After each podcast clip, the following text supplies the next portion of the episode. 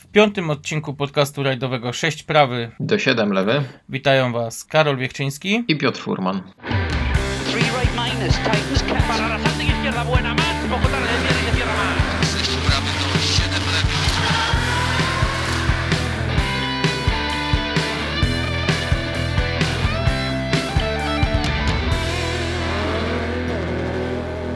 To co, dzisiaj zaczynamy od y, bardzo dobrej wiadomości. Znowu mamy szczęście, możemy zacząć od bardzo dobrej wiadomości. Kajto wygrał drugi raz w WRC3. Dzisiaj zakończył się rajd Portugalii. No, oby ta szczęśliwa passa była nieprzerwana, bo wygląda to bardzo obiecująco. E, tak, to było zwycięstwo, kolejne zwycięstwo w pięknym stylu. Widać, że załoga i cały zespół jest naprawdę zmotywowana do tego, żeby w tym roku zdobyć tytuł mistrzowski. Sponsor się cieszy. Kibice też. Kibice też, tak? Motywacja jest na wysokim poziomie. E, nie wiemy jeszcze, czy Kajetanowicz, czy Szczepaniak wystartują w rajdzie Safari ale właśnie dotarła do nas e, informacja o tym, że inny polski kierowca szykuje się na ten rajd. Trzęsienie ziemi, to tak to trzeba określić. No bo nieczęsto można zobaczyć kogoś, kto w wieku 91 lat, po 24 latach przerwy w kontakcie z samochodem rajdowym, wsiada za kierownicę auta i do tego w rajdzie, który ma opinię najtrudniejszego rajdu świata mowa tu o Sobiesławie zasadzie. No ale Sobiesław Zasada, e, pan Sobiesław Zasada ma olbrzymie doświadczenie w tego typu rajdach. Chociaż wiemy, że tegoroczny rajd safari będzie się bardzo różnił od e, imprez, które znamy jeszcze e, z poprzedniego wieku. Ale jak Ci się wydaje, czy ten start dojdzie do skutku, czy rzeczywiście będziemy mogli obserwować załogę najprawdopodobniej zasada, zasada na, na kenijskich trasach. Ja trzymam kciuki za to, żeby tak się stało. Informacja została podana przez samego pana Sobiesława, więc nie ma tutaj żadnych spekulacji. Wiemy, że samochód y, Ford Fiesta w specyfikacji Rally 3 jest już w drodze do Afryki. Mm, więc wydaje mi się, że w przeciwieństwie do plotek, które przez kilka lat, jak pamiętasz, pojawiały się w rajdowym świecie dotyczących startu załogi zasada, zasada e, w rajdzie Safari. Tym razem jednak będziemy mieli do czynienia z prawdziwym startem. I myślę, że to jest wszystko już dopięte na ostatni guzik. No inaczej chyba pan Sobiesław nie mówiłby o tym głośno. Przypomnijmy, że ostatni start pana Sobiesława miał miejsce w 97 roku. I już wtedy wywołał sensację. Tak, startował wtedy Mitsubishi Lancerem Evo 3 w grupie N, no i przyjechał na doskonałym drugim miejscu w grupie N. No to był naprawdę nie lada sukces i jechał wtedy właśnie ze swoją żoną Ewą. To będzie tym razem już dziewiąte, o ile dobrze liczę, mm, safari pana Sobiesława. Cieszymy się, że nasz mistrz jest w tak doskonałej formie, że zdrowie mu dopisuje pomimo wieku. E, no i czekamy z niecierpliwością na e, rajd Safari. E, z takich ostatnich informacji bieżących musimy wspomnieć o tym, że Sebastian Leb wybrał nowego pilota na miejsce Daniela Eleny. Czyli tak, sagi ciąg tak, dalszy. słowo się rzekło, e, pilot nowy już jest wybrany, może coś o tym powiesz. Ja mogę powiedzieć, że decyzja mm, o wyborze Fabiena Lurkę była zaskakująca chyba dla wszystkich, szczególnie dla ludzi związanych e, z zespołem ProDrive, no bo co tu dużo mówić, pilot był już wybrany, tylko no coś nie zagrało. E, prawdopodobnie zabrakło tej motywacji E, osoby, która miała usiąść na prawym fotelu u, u Sebastiana, właśnie związanej z motorsportem. Był to człowiek, który nie był związany w żaden sposób z rajdami samochodowymi, czy, czy też e, z rajdami motocyklowymi, bo, bo trzeba pamiętać o tym, że jednak to też są świetni nawigatorzy. Był to człowiek stricte od nawigacji, natomiast no, coś tutaj nie zagrało. Ja myślę, że e, Fabie będzie dobrym kandydatem na pilota, a faktycznie czy będzie lepszy od Daniela Eleny, no to zobaczymy już na przełomie roku. Jeżeli nie przygasi go sława Sebastiana i poradzi sobie z jakimś stresem, który na pewno będzie mu towarzyszył, e, no to może uda się Lebowi wreszcie wygrać Dakar. Tego życzę e, mu z całego serca, zasłużył na to. No tak. 4, 80 prawy 4 plus późno nie ciąć, późno nie ciąć. Czy też uważasz, że piloci rajdowi to tacy niespełnieni trochę kierowcy rajdowi? Z autopsji mogę powiedzieć, że tak. E, chyba, chyba nie ma pilota. Ale chyba, ale chyba nie wszyscy. Chyba nie wszyscy, ale z drugiej strony nie ma chyba pilota rajdowego, który mm, no, nie marzyłby gdzieś o tym e, w jakimś momencie swojego życia, że jednak on będzie w świetle reflektorów za kierownicą tego wspaniałego samochodu rajdowego. No, zadałem Ci to pytanie, bo chciałem dzisiaj porozmawiać właśnie na temat zawodników, którzy jednak e, w ekipie rajdowej są najczęściej pomijani. Nawet chyba w dalszym ciągu tak się dzieje, że pilot to jest ktoś, e, o kim się najmniej mówi, choć ma najbardziej odpowiedzialną rolę do e, spełnienia i, i do, do, do wykonania kupę roboty, której no, wielu innych zawodników po prostu by się bało lub by nie podołało. I chciałbym dzisiaj porozmawiać właśnie o tym trudnym fachu, jakim jest rajdowy pilotaż. Zaczniemy chyba od takich początków, bo ja wiem, że to wszystko jest związane mocno z Wielką Brytanią, ale ty tradycyjnie zamierzchłe czasy mocno tam zgłębiłeś, przepatrzyłeś tą historię i na pewno masz dużo e, ciekawych Ja informacji. wiem, że ty bardzo temat. nie lubisz y, wracania do z bardzo zamierzchłych czasów, no ale znowu tutaj będziemy musieli sięgnąć wstecz do czasów, kiedy wyścigi były organizowane między e, miastami i niestety niedoskonałość ówczesnych maszyn, mówimy tutaj o samochodach z przełomu XIX i XX wieku, wymagała tego, że na pokładzie musiał znajdować się mechanik. I było to obostrzone przepisami. Faktycznie członkiem załogi był kierowca oraz mechanik, mechanik jadący e, z boku, opiekujący się samochodem, często smarujący jego podzespoły również w czasie jazdy, bo i do takich rzeczy dochodziło. No, przypomnijmy, że mówimy właśnie o e, takich początkach, tak? E, Więc początek XX wieku. Sport samochodowy się rozwija. Przedwojenna motoryzacja, czy nawet powojenna motoryzacja, no jest na takim poziomie, na jakim jest, więc no jak najbardziej taka osoba w załodze była pożądana. Ja mogę tutaj przyrównać y, taką rajdową załogę, czy wyścigową załogę w tamtym czasie do rycerza i giermka. To cały splendor spływał na rycerza, natomiast no, ten duet y, musiał być nierozerwalny. Bez giermka po prostu nie dało się walczyć. Tak samo kierowca nie mógł walczyć bez y, mechanika. Od samego początku możemy powiedzieć śmiało, że e, sport motorowy to sport e, zespołowy. Sam kierowca sobie nie jest w stanie poradzić ze wszystkim, nie jest w stanie sobie poradzić e, z obsługą samochodu, ani też z opanowaniem całej trasy. A przypomnijmy, że przecież pierwsze imprezy, czy też wyścigowe, czy też rajdowe, no, odbywały się na dużo dłuższych przecież dystansach niż, niż obecnie. I no, potrzeba było kogoś w tym samochodzie, kto będzie jednak w jakiś sposób podpowiadał kierowcy, pełnił rolę nawet takiego, no, odważę się powiedzieć, suflera. Kiedy tak naprawdę zaczęło się już takie świadome podawanie kierowcy przebiegu trasy? Nie bez powodu zawsze porównuję te wyścigi drogowe do protoplasty rajdów samochodowych, bo tak naprawdę to właśnie z wyścigów wywodzi się opis nawigacyjny. Ten, jak go ładnie nazwałeś, sufler, w latach 50. nie tylko był mechanikiem i osobą, która miała doglądać ym, samochodu pomiędzy etapami, czy tak jak w przypadku długich wyścigów, po prostu pełniła rolę, no co tu dużo mówić, balastu. I tak naprawdę dziełem przypadku stało się odkrycie od opisu nawigacyjnego.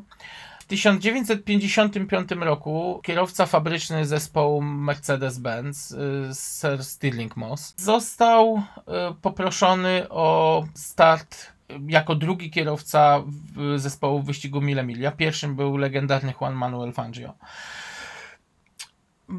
Fangio miał jedną manierę, jeździł sam. On y, nie uznawał instytucji mechanika. To też była ciekawa historia po śmierci mm, jego przyjaciela w wypadku. Nigdy z nikim nie wsiadł do samochodu wyścigowego. Natomiast Moss, mając świadomość tego, że tak naprawdę rola tego drugiego osobnika w kokpicie jest mniej istotna, zaprosił swojego kolegę Denisa Jenkinsona, który był nikim innym, tylko dziennikarzem motoryzacyjnym. Notabene był bardzo barwną postacią. Zasłynął z tego, że został złapany w 1965 roku testując w Boże Narodzenie nowego Lotusa Formuły 1, no na drodze publicznej gdzieś między farmami. No ja słucham teraz takich historii i nie wiem na jakiej podstawie stwierdziłeś, że ja nie lubię wracania do, do, do zamierzchłych czasów. No to, są, to są niesamowite historie. No bo to i- jest mało rajdowe tak I naprawdę. ty mnie zawsze zaskakujesz czymś nowym, dlatego no, poproszę więcej takich, e, takich ciekawostek. Okej, o Jenkinsonie można by napisać książkę. On z racji tego, że został zaproszony do samochodu Stirlinga Mossa jako zwyczajny balast, który miał później opisać e, cały przebieg wyścigu, to może było też zagranie marketingowe ze strony Mossa. Padł jednak na zupełnie inny pomysł. Nie chciał koncentrować się na pisaniu, nie chciał koncentrować się na e, oglądaniu krajobrazu, on chciał pomóc Mossowi. Skontaktował się ze swoimi mm, znajomymi lotnikami, którzy w tamtym czasie używali dość popularnych w armii brytyjskiej mapników, takich przesuwanych, które można było no, porównać do dzisiejszego roadbooka. Dwa wałeczki, naciągnięta na to mapa i sobie można było przesuwać dowolnie mapę. Zmodyfikował jedno z takich... Już wiemy skąd nazwa pilot się pojawiła w świecie sportów To- samochodowych. No, no tak. No tak. E, Zmodyfikował to urządzenie, wziął go ze sobą na pokład, namówił Stirlinga Mossa na objechanie trasy przed wyścigiem. Na tej taśmie papieru zapisał cały przebieg trasy co do kilometra. Drogi we Włoszech były oznaczone słupkami przy drodze. No na pewno kojarzysz to rozwiązanie. E, To się bardzo dobrze sprawdzało. E, Wszystkie charakterystyczne punkty, wszystkie charakterystyczne niebezpieczne miejsca, zakręty zostały na tym opisane. I podczas wyścigu e, Jenkinson wykorzystywał ten patent. No, na ile było to skuteczne, to no, niech świadczy fakt, że Moss z Jenkinsonem zameldowali się na mecie wyścigu Mille Miglia z niepobitym do dzisiaj czasem na takim dystansie 10 godzin 7 minut i 48 sekund, y, notując rekordową prędkość przeciętną na poziomie 158 km na godzinę. Przypomnijmy tylko, że wyścig Mille Miglia w tamtym czasie rozgrywany był w, na drogach publicznych, ale również w ruchu drogowym. Ale przypomnij, Totalne szaleństwo. czy takie rozwiązanie nie spowodowało, że oni naruszyli jakieś przepisy wtedy? Nie, nie, to, to było wszystko zgodnie z prawem, natomiast samo wykorzystanie urządzenia okazało się na tyle rewolucyjne, że już w następnych latach coraz większa część y, pilotów używała go i ten opis zaczął stopniowo ewoluować w stronę precyzyjniejszego i coraz lepszego. A później automatycznie z chwilą zakazu rozgrywania wyścigów drogowych to dziedzictwo przeszło na stronę rajdów samochodowych, bo przypomnijmy choćby nawet Mille Miglia to, to jest yy, takie naturalne, że, że kiedyś był to wyścig drogowy, dzisiaj mamy do czynienia z rajdem. I, i, i wiele takich imprez było, które dzisiaj są rajdami, dawniej no, mają to dziedzictwo mm, wyścigowe.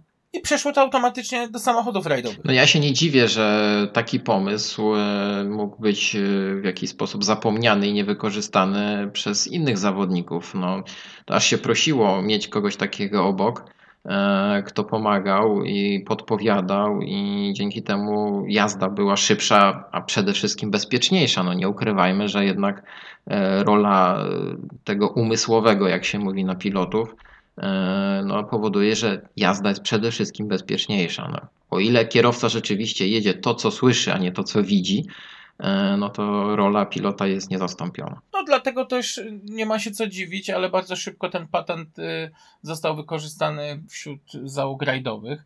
Tyle, że trzeba pamiętać o tym, że kolebka rajdów samochodowych, czyli Wielka Brytania, bo to no, nie będzie nadużyciem takie określenie, tam kwestia opisu wyglądała w zupełnie inny sposób, bowiem zawodnicy przez długi czas nie mieli możliwości dokonania opisu nawigacyjnego przed rajdem, więc, więc nie było możliwości sporządzenia tych notatek.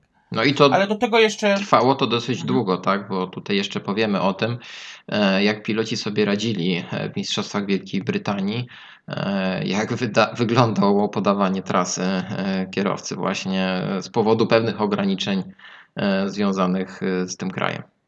Te ograniczenia były narzucone też kwestiami przepisów, bo pamiętać trzeba o tym, że aż bodaj do 2017 czy 2016 roku w Wielkiej Brytanii nie wolno było organizować ym, imprez sportowych na drogach publicznych. To znaczy wszystkie odcinki specjalne, wszystkie wyścigi górskie, e, nie mogły, tak jak w naszej części Europy, być organizowane na wyłączonym z ruchu fragmencie drogi. Nie, jeżeli to była droga publiczna, nie wolno jej było wyłączyć.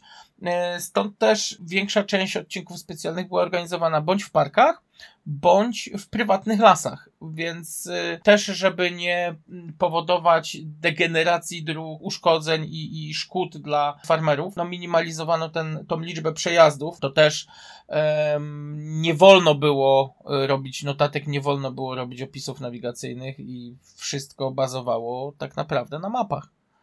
Właśnie, bo przypomnijmy, mówiliśmy już o tym, e, ale przypomnijmy właśnie, że po II wojnie światowej tak naprawdę wyścigi coraz bardziej się oddzielają od rajdów samochodowych. Wyścigi coraz częściej odbywają się na zamkniętych torach, e, gdzie po kilku przejazdach już można nauczyć się tego toru.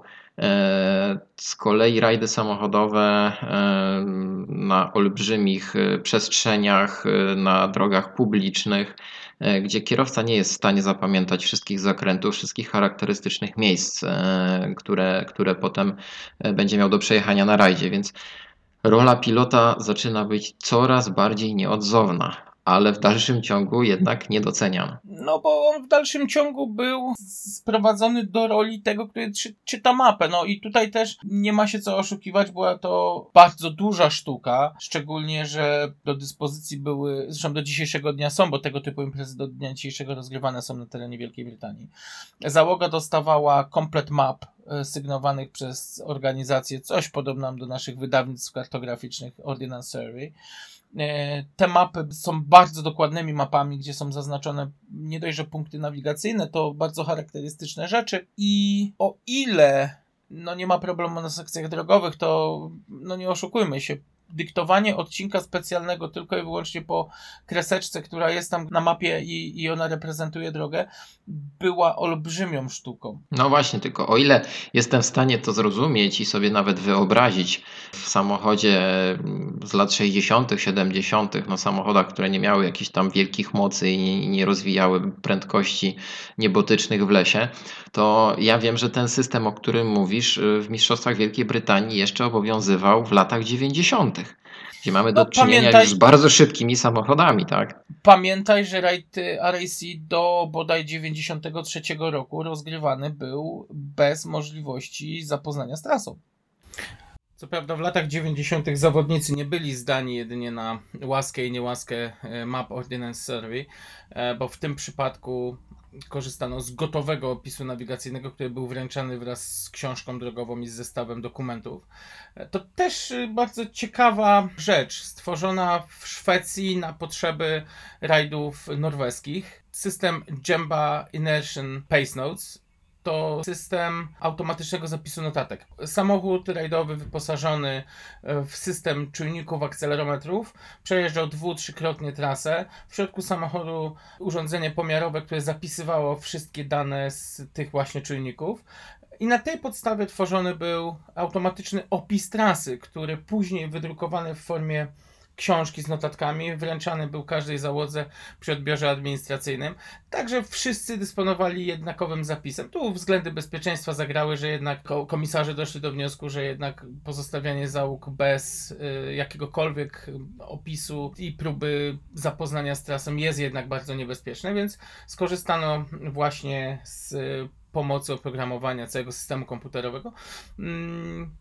Ten system do dzisiejszego dnia jest wykorzystywany. Większość rajdów w Stanach Zjednoczonych, w Kanadzie, e, część w Nowej Zelandii właśnie korzysta z e, systemu Jemba mm, z dużym powodzeniem. I to można sobie wyobrazić, że to taka trochę namiastka mm, rajdów bez pilota, bo gdyby ten system zapisu był odtwarzany z jakiegoś urządzenia cyfrowego, no to mógłby zastąpić tego pilota. Co się nagrało, da się też zrobić, odwrócić i, i podać w drugą stronę. No natomiast y, jednak kierowcy, bo były takie próby przeprowadzane, kierowcy y, bardzo mocno zbuntowali się temu, jednak jest w dalszym ciągu miejsce dla prawdziwego, żywego pilota z krwi i kości. No i tutaj właśnie dochodzi do, do takiego e, no, coraz bardziej spojrzenia takiego na, na odpowiedzialną e, rolę tego drugiego zawodnika w samochodzie rajdowym. No i e, nie jestem w stanie pominąć zasług, coraz bardziej i dłużej interesując się rajdami, e, jestem w stanie powiedzieć, że jednak najważniejszym członkiem załogi jest pilot. 70, prawy 5 gaz. Dokręcaj to. Prawy 5 gaz. 100 lewy długi 4 gaz. Hamowanie lewy nawrót 2 pełen. Lewy długi 4 gaz to jest. Długi, długi. Hamowanie lewy nawrót 2 pełen. Jak? Wraz z rozwojem techniki rajdowej e, pilot dostawał też e, nowe pomoce nawigacyjne. Początkowo e, wszystko ograniczało się do zestawu stoperów i tak jak już mówiłem wcześniej, map. W tamtym czasie rajdy były w większości organizowane w nocy, więc e, wymagało to odpowiedniego podświetlenia mapy. To, ta lampka pilota jednak męczyła oczy, i to więc Brytyjczycy wymyślili coś w rodzaju kubeczka ze szkłem powiększającym, który przykładało się do mapy. Tam była czerwona lampka i ona e, w bardzo ładny sposób podświetla to i tak naprawdę to było zestaw obowiązkowy dla każdego pilota rajdowego, tak zwany potty light, lampka potty. Do dnia dzisiejszego produkowana, do dnia dzisiejszego można ją sobie kupić. Wraz z rozwojem e, samochodu, wraz ze zwiększeniem prędkości pojawił się również e, Speed Pilot, urządzenie monitorujące prędkość dla pilota, ale to było znowu związane ze sposobem dyktowania opisu No nawigacyjnego. tak, bo samochody stają się coraz szybsze. Powiedziałeś jedną ważną rzecz, że piloci dysponują e, pomocami dodatkowymi, e, ale coraz więcej spada na nich też obowiązków i z tym też coraz więcej odpowiedzialności. Także ta praca się staje coraz bardziej odpowiedzialna, ale także niebezpieczna. No, ta profesjonalizacja wymagała zmiany profilu nie tylko kierowcy, ale również, a może i przede wszystkim pilota. Lata 60. to początek y, wykształcenia się takiego opisu rajdowego z prawdziwego zdarzenia, takiego jak powiedzmy dał podwaliny do opisu używanego, stosowanego dzisiaj. To było też właśnie, tak jak wcześniej wspomniałem, związane z pomocami nawigacyjnymi dla pilota. Początkowo był to Speed Pilot, później był to Tripmaster, zwany potocznie Haldą, bo trzeba pamiętać, że Halda to co, co wielu pilotów określa Halda jako, jako komputer nawigacyjny czy komputer pilota. To nie jest nazwa własna. Halda pochodzi tak jak y, o Adidasy i buty sportowe. E, Halda to jest producent urządzeń pomiarowych ze Szwecji, słynący tak naprawdę początkowo z produkcji taksometrów. Urządzeń o dużej precyzji, które znalazły właśnie zastosowanie w rajdach samochodowych.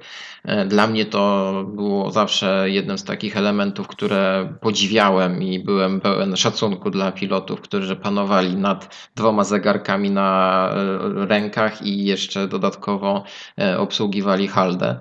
Także mówię, tutaj tych obowiązków jest coraz więcej.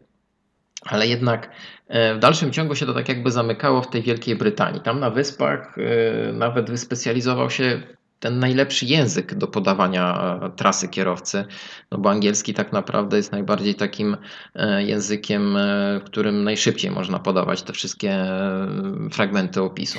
Myślisz, że właśnie to, że y, Wielka Brytania była kolebką rajdów samochodowych, to to spowodowało, że język angielski y, zadomowił się na wszystkich kontynentach y, w samochodach rajdowych? No myślę, że tak. No, to przecież mamy mnóstwo przykładów nawet y, tutaj z naszych polskich rajdów, że wielu kierowców decydowało się w pewnym momencie na używanie języka angielskiego. No, niektórym to wyszło na dobre, niektórym nie.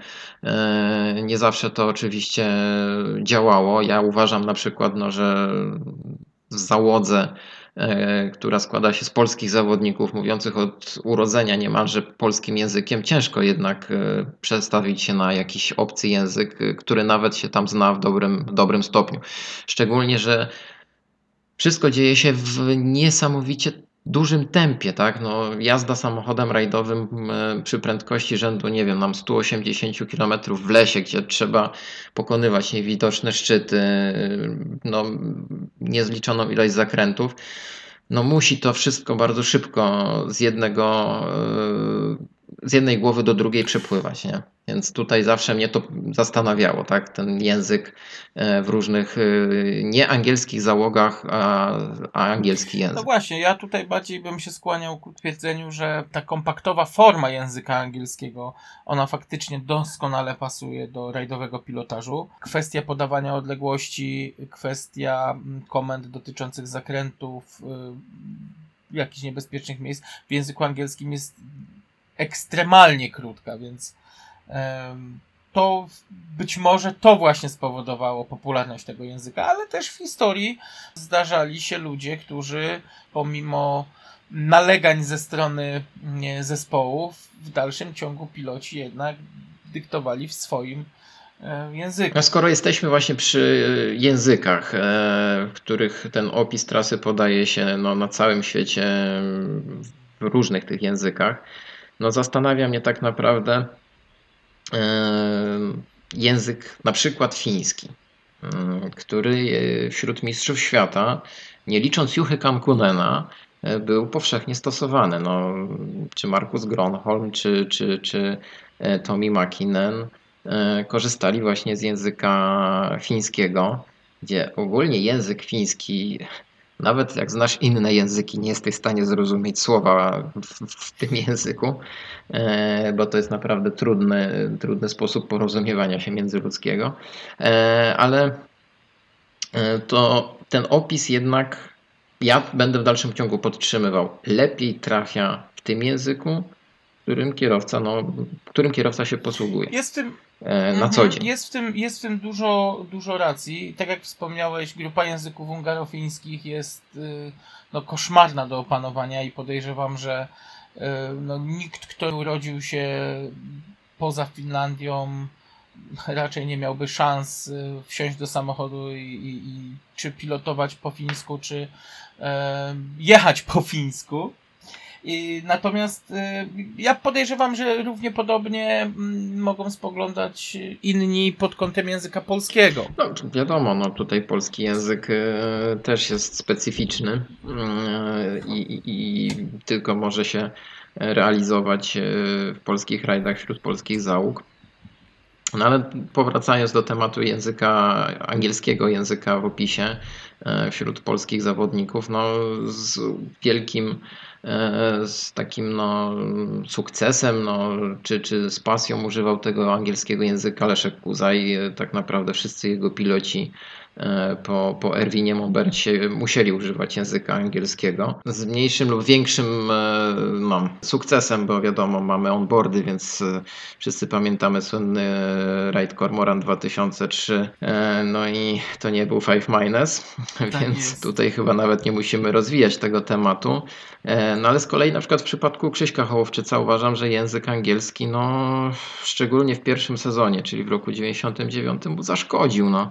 Tam ani on, ani Jean-Marc e, nie mówili w rodzimym języku angielskim, więc e, było to mocno nienaturalne dla ich obu.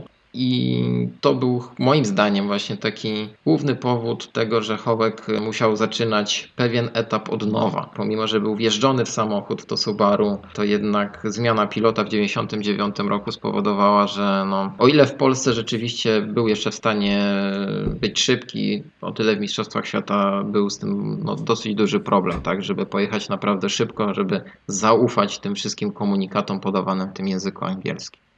No ja myślę, że tutaj y, problem mógł być bardziej po stronie mm, Krzyśka Hołowczyca, bo pamiętać trzeba, że Jean-Marc Fortin y, to już w tamtym czasie był bardzo doświadczony pilot y, i nie tylko Hołka pilotował po angielsku. No, nie jestem w stanie w tej chwili tak powiedzieć pewnie na 100%, ale wydaje mi się, że jednak u Demeviusa obowiązywał język francuski w rajdówce, a właśnie z Demeviusem jeździł bezpośrednio przed Hołkiem e, Fortę. Ale dobrze, tutaj e, temat języka możemy drążyć w nieskończoność. E, Ja to jeszcze tylko przypomnę właśnie, że Juha Kankunen był takim kierowcą, który w kilku startach z Fredem Gallagherem e, zdecydował się właśnie na język angielski i nawet e, kiedy zasiadali obok niego fińscy piloci, też używali języka angielskiego. Bo zarówno Juha Pironen, jak i Juha Repo używali języka angielskiego w rajdówce Kankunena. E, No i to, to tak naprawdę on chyba był jedynym e, przykładem fińskiego, fińskiego mistrza świata, który e, korzystał z języka angielskiego. Nie możesz zapominać jeszcze o Ari Vatanenie, no tylko tutaj to wynikało raczej z tego, że zawsze, może nie zawsze, ale w większości korzystał z brytyjskich pilotów. Tak, tak, bo to Terry Harriman czy, czy David Richards e, nie mieli tego problemu, tak jakby, żeby się posługiwać tym językiem. Poza tym, no, Ari Vatanen e, mnóstwo czasu spędził w Wielkiej Brytanii w tamtejszych mistrzostwach na początku swojej kariery, więc chyba był e, obok Jari Matti Latwali Finnem, który najlepiej posługiwał się językiem angielskim. A jak wyglądały mm, no, umiejętności lingwistyczne Finów, jeśli chodzi o język angielski, to bardzo ładnie przedstawia słynny wywiad e, Juhy Kankunena. Henry Toivonen, Henry Toivonenem. tak. tak. No, no to jest taki ciekawy właśnie przykład. Także mówię, temat języka to jest e, temat rzeka. Rajdy się zmieniają, zmienia się także opis. y, Z początkowego opisu, który mm, pierwotnie opisywał prędkość, stąd też użycie właśnie speed pilota w samochodzie, to połowa lat 60., gdzie pewne zakręty opisywało się, z jaką prędkością można go pokonać. W samochodzie rajdowym jeszcze oprócz obrotomierza w równej hierarchii był prędkościomierz.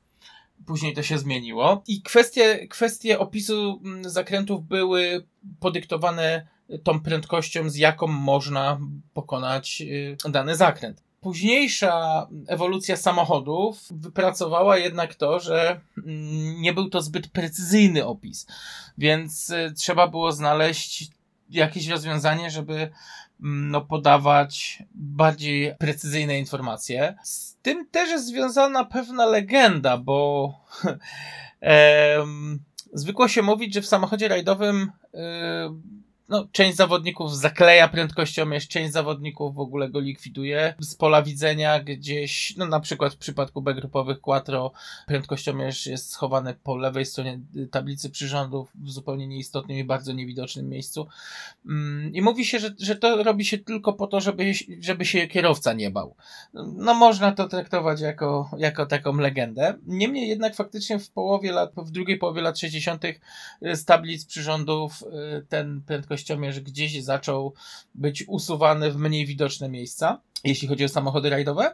Mm, I tym samym zmienił się opis. Yy, Opis zaczęto ustawiać pod kątem biegu, na jakim można pokonać dany zakręt. Szczerze mówiąc, była to tak na dobrą sprawę ewolucja tego opisu prędkości podawanej w zakręcie, no bo opis biegowy był niczym innym, tylko podaniem jaką, jakim biegiem, czyli jaką prędkością można było pokonać dany zakręt, więc Tak, to kierowca już sobie, tak, to kierowca już sam sobie tak naprawdę mógł ocenić właśnie, no ale to jest też e, przykład na to, że ten opis się robi coraz bardziej precyzyjny. Auta się starają coraz szybsze i kierowcy wymagają coraz większej ilości informacji, e, żeby pojechać jeszcze szybciej. No widzisz, ale opis robi się bardziej precyzyjny, ale też nie do końca, bo wystarczy, że spadnie deszcz, spadnie śnieg, zmienią się warunki i zmieni się bieg, jakim będzie można pokonać. Tak jak wcześniej zmieniała się prędkość, tak tym razem zmieni się bieg, jakim można pokonać e, dany zakręt. Ten opis, pomimo swoich niedoskonałości, ma jednak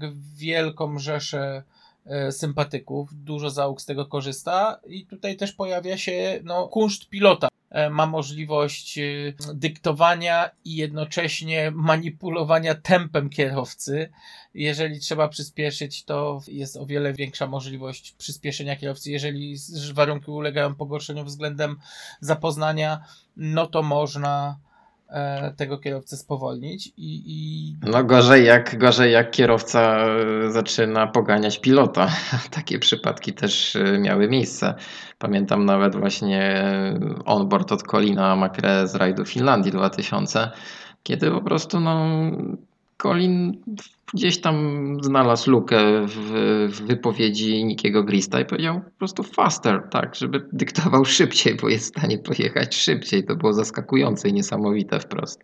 Tak, to jest, to jest prawda. Doda w dodatku, no tutaj ciężko zarzucać nieumiejętność y, pilotażu Nikiemu Gristowi, jednemu z najbardziej utalentowanych pilotów. Dzisiaj chyba no taką e, pilotażową legendą, jaką, brytyjską, jaką tak, a, ale no, legendą i e, no, kierowców, e, których e, prowadził, swoim pięknym głosem i nienaganną dykcją, no naprawdę ciężko w tej chwili zliczyć.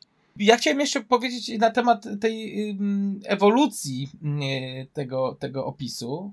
Ten biegowy sposób zapisu zakrętów, ja pamiętam, że on jeszcze można go było spotkać y, w połowie lat 90. w Polsce. On był dość powszechnie Tak, wielu kierowców, tak, wielu kierowców stosowało opis biegowy. E, Wynikało to z tego, moim zdaniem, może się mylę tutaj, ale jednak, e, że trasy rajdów w Polsce bardzo kiedyś, bardzo rzadko się zmieniały. E, Tak naprawdę rajd Elmot był jechany latami po tych samych trasach, dlatego tak naprawdę rola pilota e, była sprowadzona do roli takiego suflera. E, Chociaż wiem, że wielu kierowców, no jednak nie słysząc głosu swojego pilota, nie pojechałoby jednak tak szybko odcinka specjalnego. To tak jak powiedziałeś właśnie, no pilot nawet swoim głosem, tak, e, tą, tą dykcją był w stanie e, na, nadać tempo jazdy. To było bardzo istotne. Ale właśnie opis biegowy był taki prosty w zastosowaniu i właśnie tak jak powiedziałeś, bardzo długo stosowany. No i w końcu zaczął trochę ewoluować stronę tego opisu kątowego. Tak, bo ostatnią formą wtajemniczenia, jeśli chodzi o opis, który pojawił się mm, no, na świecie pod koniec lat 80. Do narodowych mistrzostw troszkę to, to później trafiło, ale to właśnie z racji znowu różnic językowych. I był to opis kątowy, gdzie mm, zakręty były podzielone na y, kąty, które można było porównać z kątem wychyłu kierownicy. Lub e, bardzo też łatwo to wytłumaczyć na zasadzie godzin na tablicy zegara.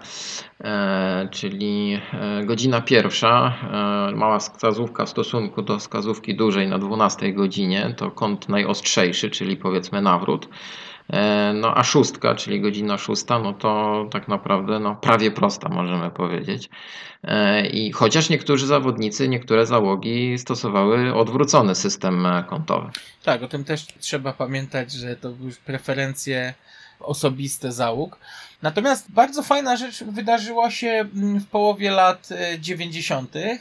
Wraz z- kolejną ewolucją sprzętu e, i pojawieniem się pierwszych e, samochodów klasy WRC, mm, opis nawigacyjny znowu ewoluował. Tym razem był to detal, ale e, bardzo wiele znaczący. Mm, Początkowo, pierwotnie podawano pierwsze mm, stronę, w którą będzie zakręt, a dopiero później podawano stopień jego trudności.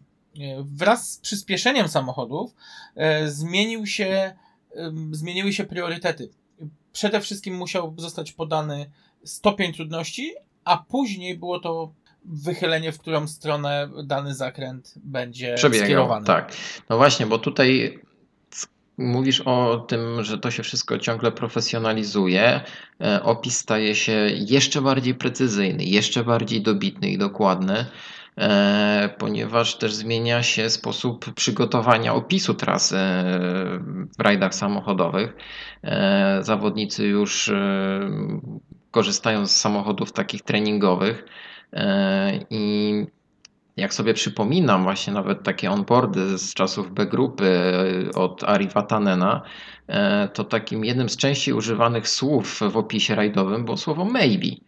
E, Tak naprawdę stopień improwizacji wtedy w tych latach B grupy był jeszcze tak duży, e, gdzie pomimo pilot ma za zadanie zmniejszyć ten stopień improwizacji, żeby właśnie jak najwięcej kierowcy podać konkretów, to jednak jeszcze wtedy to słowo maybe było powtarzane częściej niż nam się wydaje. Praktycznie ono potem ginie całkowicie z opisu rajdowego. Mamy same konkrety e, i tego właśnie, owszem, każdy z kierowców e, preferuje inny rodzaj opisu, jedni bardziej szczegółowy, drudzy mniej szczegółowy, ale jednak e, to wszystko się tak bardzo już robi konkretne i, i, i dokładne, że z jednej strony pilot ma mniej pracy, a z drugiej strony wprost przeciwnie więcej.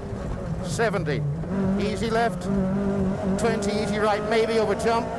30 flat left, maybe. 30 brow. 30 easy left, maybe. 20 easy right over brow, 50. Brow and flat left, 50. Flat right, maybe 100. Narrow flat right. Nie ukrywajmy, że tak naprawdę ten opis i dobór słów e, jest taki bardzo e, no, subiektywny, jest, jest taki, no, wbrew, nawet mógłbym użyć takiego słowa, intymny, tak, dla każdego e, kierowcy, no bo nie, nieraz padają bardzo dziwne słowa, których e, nikt inny nie zrozumie, tak, bo to są jakieś określenia, które sobie wymyśla kierowca z pilotem i tylko oni we dwóch wiedzą, co to tak naprawdę znaczy. E, Rajdy przyspieszają, stają się coraz szybsze, coraz bardziej niebezpieczne. Ja już wspomniałem o tym, że coraz więcej też obowiązków mają piloci rajdowi, a w dalszym ciągu coraz mniej, e, mniej doceniani w załodze niż kierowca. E, Bo przypomnijmy, zanim pojawiły się parki serwisowe, e, czyli, czyli bardziej znane jako te strefy serwisowe na rajdach samochodowych, piloci mieli jeszcze wcześniej za zadanie przygotować punkty serwisowe dla samochodów serwisowych, właśnie dla busów, gdzie one mają się znaleźć w trakcie rajdu. E, To było bardzo ważne, bardzo odpowiedzialne, bo jakiś jeden niewielki błąd mógł naprawdę zrujnować e, całe przygotowania przecież e, do rajdu. No, no nie bez powodu przez wiele lat pilota nazywano jako tego mianem umysłowego członka załogi. No tak, najpierw jako drugi kierowca, no potem wiadomo, to się profesjonalizuje, przechodzi to w tą stronę takiego e, już e, konkretnego działania pilota, czyli właśnie tego umysłowego działania, ale tutaj się też do końca z tym nie zgodzę, bo no, przy, wystarczy, że sobie przypomnisz e, jakieś relacje i wymianę koła, tak? Kto wymienia to koło? Najczęściej wymienia pilot koło w rajdowym samochodzie, Pilot. żeby broń Boże, kierowca rajdowy sobie e, no, nie, nie poparzył od gorących e, nakrętek dłoni lub ewentualnie nie doznał jakiejś kontuzji, która mu nie pozwoli jechać dalej. No, w dalszym ciągu pilot jest od tej ciężkiej, brudnej, niewdzięcznej roboty.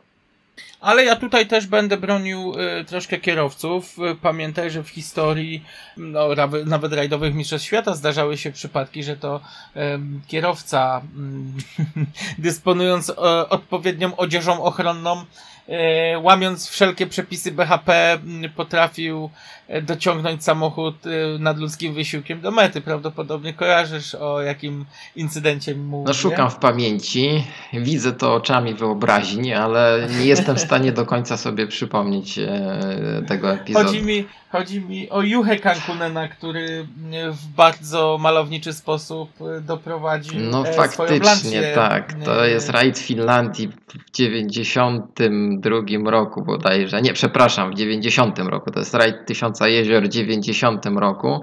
E, I tutaj właśnie musimy rozwiać e, taki mit, że pod maską Lanci nie siedzi Juha Pironen, tylko właśnie Juha Kankunen. Bo tutaj bardzo często A powód był prozaiczny. zerwana linka od pedału gazu, więc trzeba było przejść na system sterowania ręczny.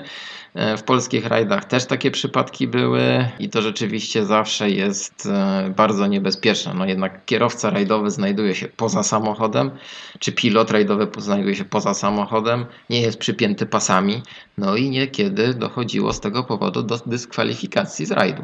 To też chyba wiesz No, o czym mówię w mówią- tej chwili. Tak, tak. Przepisy, przepisy są jednak e, nieubłagane. E, Załoga ma w czasie pokonywania e, próby sportowej być przypięta pasami. No i z komisarzem Tak. się nie dyskutuje. Aczkolwiek różnie z tym bywało, bo jak dobrze pamiętasz, wielu kierowców wykonywało różną ekwilibrystykę na nadwoziach samochodów, tylko żeby dociągnąć e, auto do, do mety czy do strefy serwisowej. Tak, tych przypadków było dużo, no ale o tym, że jednak trzeba być z- zapiętym w e, pasy, boleśnie przekonał się Maciej Maciejewski, no legenda polskiego pilotażu, jeden z najbardziej znanych i rozpoznawalnych pilotów, który na rajdzie Elmo w 1997 roku no, powędrował do bagażnika Lancera Wiesława Steca. E, No i, i sędziowie tutaj zawerykowali jednoznacznie, no niestety dyskwalifikacja, ponieważ pilot nie był zapięty w pasy. No to to było takie, no zakrawało wprost no, na, na, na jakąś taką ironię, e, ale potem e, jeszcze raz Maciejewski zastosował ten manewr na rajdzie Wisły. I tutaj rzeczywiście ta jego rola była, była bardzo potrzebna, e, ponieważ e, no, dotarli do, do punktu serwisowego, naprawili to auto, pojechali dalej. E, A w I tym razem nikt nikogo nie dyskwalifikował. tak, a trzeba przypomnieć o tym też, że momentami prędkość rajdowego samochodu z pilotem w bagażniku no, oscylowała w okolicach 140 km na godzinę, także szacunek. W wielu przypadkach też, y, no, oprócz y, zdolności gimnastycznych niemalże, o, choćby nawet y, Daniel Elena wiszący y, z Citroena po straceniu kół na mm, bodaj y, rajdzie E, albo. Meksyku, raczej E, chyba to no, był rajd Meksyku. Albo Meksyku, tak, tak, tak, to był Meksyk, Tak, no tak, i to był te Meksyk. miny policjantów, którzy później motocy motocyklami eskortowali Leba i Elenę, no były no, naprawdę nie do zapomnienia. No, ale takich przykładów możemy tutaj e, jeszcze przytaczać, tak? Jean-Marc Fortin w bagażniku na rajdzie Argentyny w 2000 roku, Krzyśka Hołowczyca, e, potem bardzo duże problemy z oczami, e, ponieważ no, miał e, zapruszone wszelakim paskustwem z, z drogi e, oczy i, i takich przykładów jest mnóstwo, dlatego tutaj właśnie wchodzimy powoli w takie nieprawdopodobne wręcz obowiązki, które, które musi podołać pilot w rajdowym samochodzie, a jeszcze będzie ich więcej.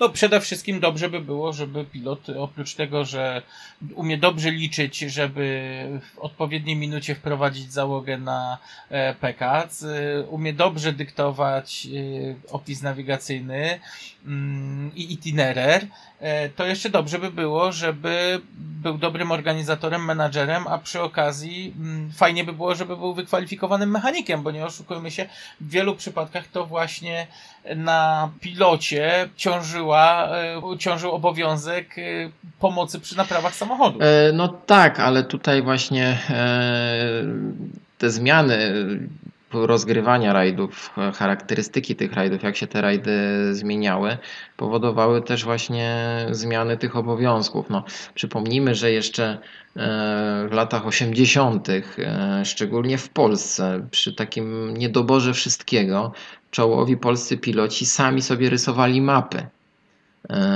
Ja bym w to nie uwierzył, gdybym nie usłyszał na własne uszy opowieści e, Andrzeja Górskiego i Kuby Mroczkowskiego, których serdecznie pozdrawiam, e, że rzeczywiście taki fakt miał miejsce. No, trzeba było sobie samemu narysować mapę okolicy rajdu, posługiwać się potem e, biegle tą swoją narysowaną mapą, sporządzić notatki, No już nie mówię o jakichś rezerwacjach hoteli e, dla, sie, dla, dla, dla załogi, dla całego zespołu. E, Przepisać te notatki później na czysto. Oczywiście, e, kiedy wielmożny kierowca e, oddawał się jakimś rozrywkom lub po prostu spał. E, No, tych obowiązków jest naprawdę niezliczona e, ilość i ja podziwiam, szczerze podziwiam, pomimo, że mówię, ten sport e, do dzisiejszych czasów bardzo się zmienił i rola pilota też się bardzo zmieniła, no to jednak e, w dalszym ciągu jest to bardzo, bardzo odpowiedzialna rola i w dalszym ciągu moim zdaniem niedoceniana. No właśnie, powiedziałeś o przepisywaniu notatek, bo to też jest dość sporna kwestia. Są piloci, którzy przepisują na czysto notatki po zrobieniu opisu, e, po zapoznaniu z trasą, a są e, piloci, którzy unikają tego jak ognia w obawie przed e, Tak, popełnieniem tutaj błędu. na przykładzie dwóch polskich legend pilotażu właśnie możemy podać przykład tych dwóch szkół. Mówię tutaj o świętej pamięci Ryszardzie Szyszkowskim i o Maćku Wisławskim, e, który jest w dalszym ciągu czynnym zawodnikiem. Nie wiem jak teraz, ale Maciek Wisławski na przykład no, nie przepisywał notatek na czysto, do czego się przyznawał. E, Muszę go zapytać przy okazji, czy, czy w dalszym ciągu ma taki system. Z kolei Ryszard, Ryszard Żyszkowski no, przepisywał e, i uważał, że nigdy nie popełnił żadnego błędu przy tym przepisywaniu, a wiem, że niektórym pilotom takie błędy się przytrafiały. No właśnie, ale tak jak to sam świętej pamięci Ryszard Żyszkowski y, określał, że pilot, który popełnia błędy, nie powinien być pilotem. A prawda jest taka, że no, nie ma chyba pilota, któremu mm, nie zdarzyłoby się popełnić błędu. Niektóre Właśnie, bo błędów- jesteśmy tak. Jesteśmy przy bardzo ważnym zagadnieniu, przy tym czynniku ludzkim. E, Ten czynnik ludzki, czyli możliwość popełnienia błędu, czyli tak naprawdę przeanalizujmy pracę pilota już w rajdowym samochodzie w trakcie odcinka specjalnego. I moim zdaniem takie dwa najbardziej przerażające błędy, jakie pilot może popełnić, to zgubić się w notatkach w trakcie odcinka specjalnego i źle podać czas wjazdu na punkt kontroli czasu, co się wiąże z bardzo dużą karą. E, I to też niweczy tak naprawdę cały wysiłek e, zespołu na, na, na dobry wynik. Takich przykładów też możemy mnożyć bardzo dużo, ale ja najbardziej zapamiętałem Raid Deutschland 2006, kiedy e, Carlos Del Barrio, pilot Xevi Ponsa, zgubił się w notatkach w tych winnicach i tak bardzo go to zestresowało, że na mecie po prostu płakał. E, No, pilot, pilot naprawdę musi znieść bardzo duże obciążenie psychiczne, ale wściekłość kierowcy wtedy na niego no, spowodowała no, rzeczywisty żal i łzy, z- takie ze stresu chyba i z tych nerwów wynikające. To było naprawdę dla mnie bardzo wzruszające i przerażające jednocześnie to, to co zobaczyłem wtedy. Wiele zależy też od y, kierowcy, no nie oszukujmy się, to jest pewnego rodzaju bardzo, jak to już y, wcześniej powiedziałeś odnośnie mm, opisu, to ja no, mogę powiedzieć, że atmosfera w samochodzie rajdowym to jest coś y, bardzo intymnego, to jest coś, co tak naprawdę no, da się doświadczyć tylko i wyłącznie mm, podróżując po odcinku specjalnym, y, skupienie napięcia, a jednocześnie to, to obciążenie i stres, które dają o sobie znać. Bardzo unikalna rzecz i, i, i chyba nie do powtórzenia w warunkach nierajdowych. No tak, właśnie. No. Natomiast no, nie ma się co dziwić, że y, po zakończeniu takiego odcinku specjalnego y, no, dochodzi do takich, do takich emocji. Nie bez powodu nie było pilota, który nie palił No to chyba najlepszy sposób na rozładowanie jakiegoś stresu między odcinkami specjalnymi.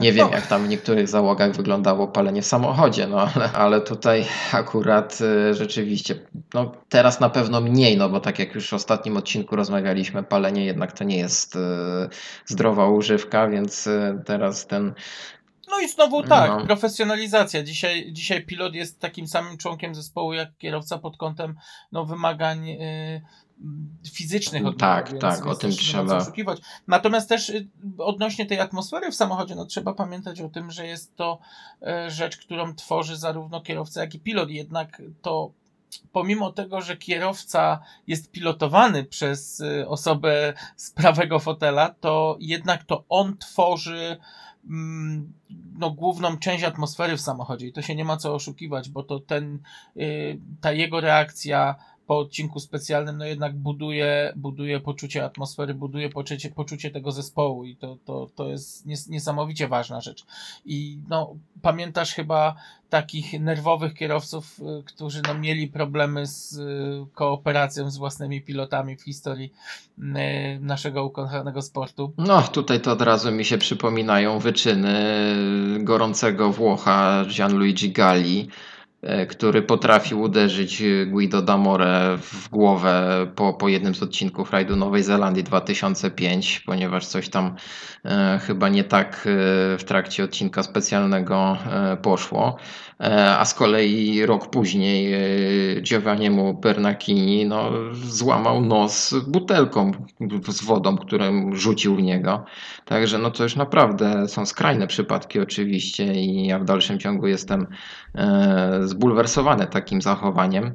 No ale też możemy przypomnieć e, e, historię François Delcoura tak. i, i jego pilota Dominika e, Savigioni, który no też miał po jednym wypadnięciu z trasy w Walii w 2002 roku duży stres. No, była to ewidentnie jego wina i ja podejrzewam, że on wiedział doskonale o co chodzi. Tutaj nie było nawet chwili zawahania. No tak, tutaj jeszcze samochód y, będąc w poślizgu i wypadając z trasy, e, już tak, wtedy palec François- dyrektorski François. Tak, już, już François dokładnie wiedział, w którym momencie nastąpił błąd i kto jest za niego odpowiedzialny. Także to było no, niesamowite. No, fajnie, że te onboardy są, tak? E, bo jednak e, no może dla niektórych kierowców jest to powód do wstydu, ale jednak mamy taki nieprawdopodobny materiał historyczny teraz e, o tych relacjach e, i nie jest to też rzadkością, jak e, w dobie telewizji publicznej, no niektóre słowa są po prostu wypikane, tak?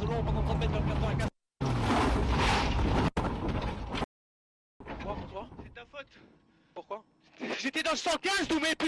bordel Il était trop tard Il me l'annoncer dix fois trop tard Dix fois trop tard, Doumé, dix fois trop tard. Dix fois trop tard. Dix fois trop tard. Cent fois trop tard. Nie był to na pewno odosobniony przypadek, jeśli chodzi o e, błędy. Trzeba wspomnieć chyba też o najbardziej kuriozalnym błędzie. Rozmawialiśmy o tej sytuacji w e, odcinku pierwszym naszego podcastu o rajdzie Australii 2001 i spóźnieniu Colina Magre na losowanie. I coraz większa rzesza ludzi jednak mówi, że to była wina Nikiego Grista, że to on zawalił i, i, i podał Colinowi złą minutę mm, wejścia. Na pewno taka sama sytuacja przytrafiła się mm, Harry'emu Rovanperze e, bodaj w 2000 roku w Finlandii, gdzie mm, wjechali omyłkowo za, Za późno, późno, na, tak, na jeden z punktów. Czasu, tak. I też był to ewidentny błąd pilota. No najwyższy poziom, a jednocześnie takie szkolne błędy. No, takich szkolnych błędów to jeszcze możemy przedstawić kilka. No, na przykład słynne dachowanie Carlosa Sainza na rajdzie Argentyny w 2001, y, w 91 roku było wynikiem e, tego, że Luisowi Moi skleiły się kartki w opisie i przewrócił o jedną kartkę za dużo. Podobny taki błąd, tylko językowy, popełnił e, Robert Reed, e, kiedy na rajdzie Katalonii w 96 roku po prostu źle przeczytał jedno ze słów, jedną z komend e, Richardowi Burnsowi, też wypadli z trasy w najmniej oczekiwanym momencie. No, to są znowu ludzkie czynniki, ludzkie błędy. No, o ile w przypadku Colina Macre błąd e, Nikiego no, jednak mógł zaważyć na tym tytule mistrzowskim, e, no, o tyle niektóre sytuacje po prostu rozpłynęły się, e, że tak powiem, w mętnych jakichś tam mgłach historii i zostały tam zapomniane. E, W Polsce chyba takim najsłynniejszym, przepraszam, że ci przerwę, takim błędem to był chyba błąd e, pilota Waldemara Doskocza, Aleksandra Dragona i strata zwycięstwa w rajdzie karkonoskim 96. Mhm. Dlatego no niestety to jest taki rodzaj sportu, błędy się zdarzały, zdarzają i zdarzać będą. Fajnie, że dużą część tych błędów możemy doglądać gdzieś dzisiaj właśnie na, na tych onboardach. No ja przyznam szczerze, że przygotowując się do tego odcinka z dziką rozkoszą oglądałem e, wpadkę Savigioniego i, i, i Tak, to, to można w nieskończoność oglądać, fakt. Tak. Niemniej jednak trzeba przyznać, bo to też jest cie- ciekawostka, że Delcourt y, okazał się dobrym panem dla Savigioniego i pozwolił mu mm, w Monte Carlo y, poprowadzić samochód. No właśnie, bo to chyba nie wiem, czy to było wynagrodzenie za to, co, co się zdarzyło e, Być 10 może. lat wcześniej, bo właśnie na rajdzie Monte Carlo w 2012 roku e, ostatni odcinek specjalny, wtedy François wrócił e, w, we fieście w WRC e, właśnie do takiego e, do, powiedzmy do walki o czołowe lokaty w rajdzie Monte Carlo, chociaż różnie te powroty wyglądały. E, No to właśnie ten ostatni Ja myślę, odcinek że on raczej chciał się pobawić, bo zauważ, że Pewnie tak, no, ale zajął wtedy szóste miejsce. No, No Także tak. ten powrót był dosyć udany, ale właśnie na ostatnim odcinku specjalnym zamienili się miejscami. Ostatni odcinek specjalny pojechał właśnie Savigioni, uzyskując całkiem niezły czas, z tego co pamiętam. Co się nie udało z kolei e, Chrisowi Pattersonowi, pilotowi e, Petera Solberga.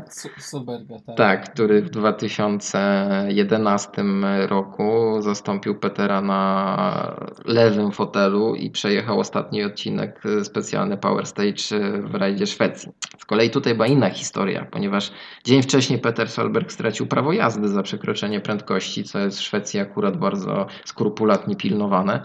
E, I z powodów e, tak jakby ubezpieczeniowych, e, ponieważ samochód musiał prowadzić kierowca posiadający prawo jazdy, no to Chris Patterson był zmuszony zasiąść za kółkiem i poprowadzić ten samochód na ostatnim odcinku, co wyszło mu koszmarnie, bo zajął ostatnie miejsce i stwierdził, że nigdy więcej.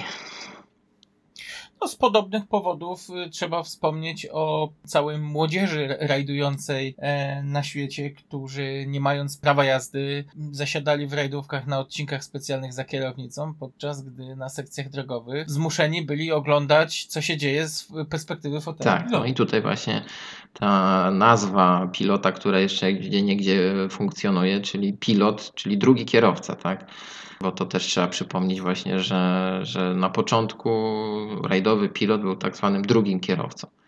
Tak, no historycznie pamiętajmy, że jeszcze w czasach e, lat 60., jeszcze początek 70., gdzie rajdy były takie na wyniszczenie, że zwykła okręgówka potrafiła mieć półtora, dwa tysiące kilometrów i rozgrywać się w nocy. Kierowcy byli potwornie zmęczeni, więc e, żeby odciążyć ich troszkę z obowiązków, to piloci zasiadali za kierownicą e, w czasie, gdy kierowca rozkładał fotel pilota i sobie smacznie spał. No, można zobaczyć na starych zdjęciach, choćby nawet z y, rajdu Monte Carlo, ze zlotów gwiaździstych, jak y, przez większe miasta przejeżdżają kawalkady samochodów rajdowych i prawy fotel przeważnie jest rozłożony, kierowca śpi, co musiało faktycznie dość komicznie wyglądać w autach takich jak Mini Cooper czy mm, No Steyr. tak, ale to też było stosowane z tego co pamiętam w Audi Quattro i w niektórych B-grupowych rajdówkach. Oczywiście udogodnienie, z których pilot nie mógł skorzystać, tylko kierowca, tak? Ale no to co powiesz w takiej sytuacji, e, jak pilot e, e, już był traktowany naprawdę jako balast, może niezbędny, ale jednak jako balast, który można ustawiać w samochodzie w dowolnym miejscu, jak pilot e, Waltera Rella, e, Geisdorfer, siedział totalnie z tyłu w Fiacie 131 Abarth i, i po prostu no, służył jako dociążenie tylnej osi samochodu.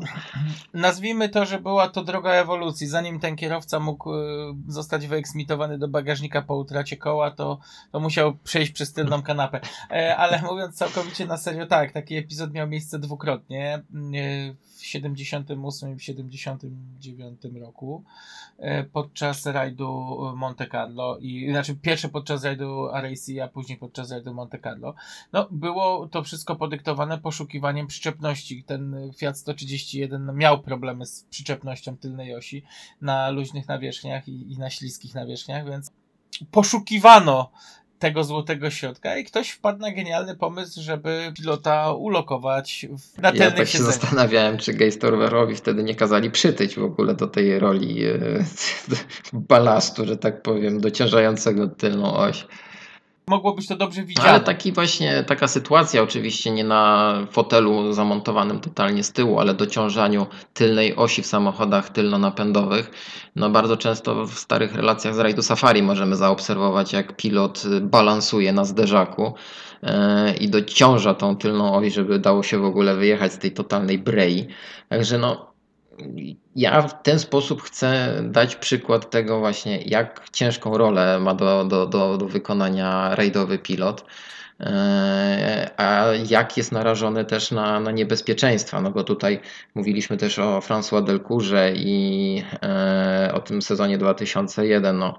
Tam doszło do bardzo groźnego wypadku, e, gdzie jego ten najbardziej znany pilot, czyli Daniel Gratalup, odniósł poważne obrażenia, a rok później ten wypadek się powtórzył też również na rajdzie Australii, no i doszło do tego, że no niestety, ale musiał zakończyć karierę. Tak. E, Podobnie miało, miało się to, e, tyczyło się to e, Risto Mason Maki, który po, po wypadku na rajdzie Korsyki w 2001 roku też już nie wrócił do takiego regularnego i czynnego uprawiania te, tej, tej trudnej, niebezpiecznej dyscypliny. No ale też musimy powiedzieć no, o ofiarach śmiertelnych, tak? No, Michael Park tu chyba jest najlepszym przykładem. E, Nie wiem, czy też podzielasz takie moje zdanie, ale mam wrażenie, że jednak no, jeżeli już mówimy o, tutaj o takim totalnym niebezpieczeństwie i, i ryzyku utraty życia, no to jednak pilot chyba jest trochę bardziej narażony niż kierowca. Nie oszukujmy się, to kierowca ma do samego końca e, władzę nad samochodem, tą, tą kontrolę, nawet jak ją zaczyna tracić, to mimo wszystko ma większe możliwości e, kontroli nad tym samochodem. Y, no Ja, jeśli chodzi o Michaela Parka, to jest dla mnie jedna z największych strat. Niesamowity człowiek i fantastyczny pilot. Niesamowity profesjonalista, no i no niestety gdzieś zabrakło szczęścia. Oby nigdy więcej już do takiego czegoś nie doszło. No przypomnijmy, że tak naprawdę z tej czołówki e, rajdowej Michael Park był ostatnią ofiarą śmiertelną. E, I, I oby, tak jak powiedziałem, nigdy więcej się już to nie powtórzyło.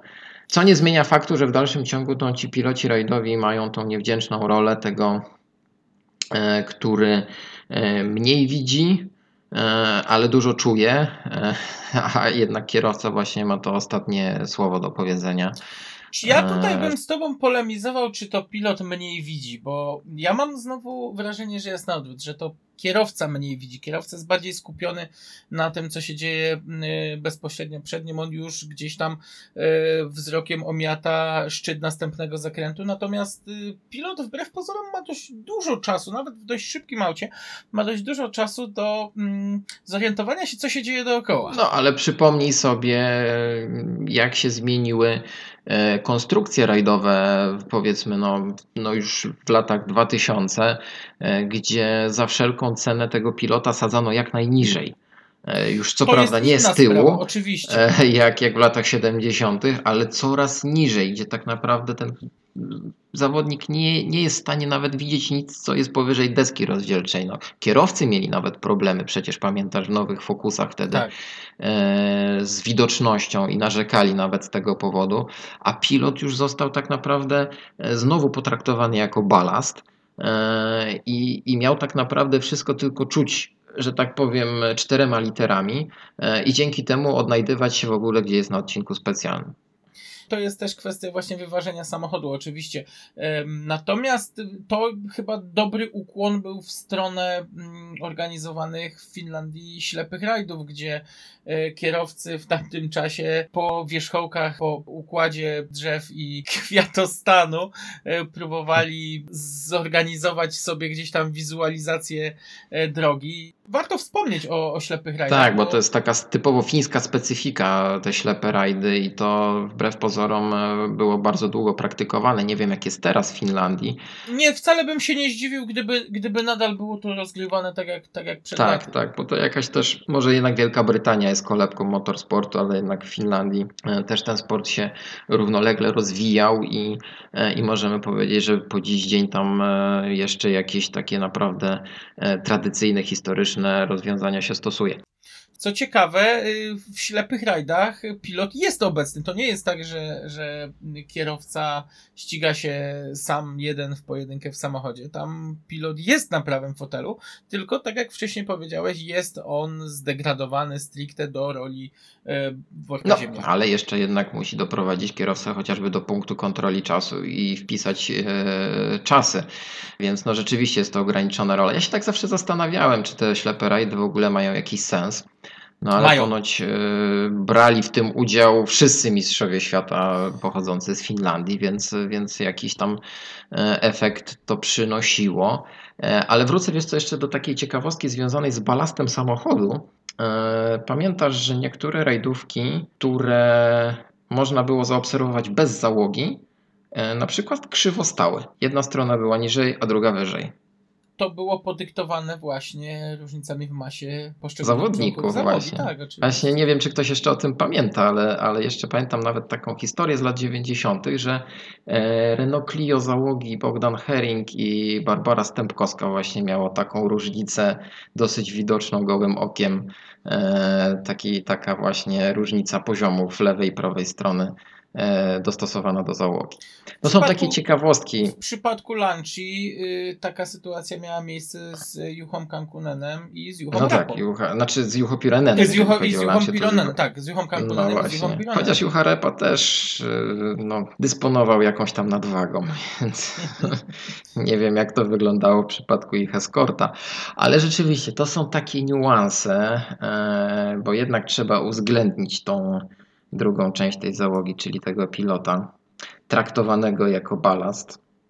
Mamy tutaj właśnie ten, teraz ten przykład, ale i to ryzyko. Ty widzisz, czasem ten balast, jak dobrze pamiętasz, jest nawet potrzebny, żeby na odcinku specjalnym dokręcić kierownicę. Właśnie, Peter Solberg, Rajd Akropolu w 2001 roku. I to, co wyczyniał film, jest, to jest jakieś no, niewiarygodne wprost, żeby w trakcie trwania odcinka specjalnego wyciągnąć klucz spod fotela i próbować dokręcić kierownicę, no, która i tak się nie dała dokręcić, bo tam problem wynikał zupełnie z czegoś innego. No ale właśnie to są takie historie, które dla mnie nobilitują e, umysłowego tego na gorącym fotelu.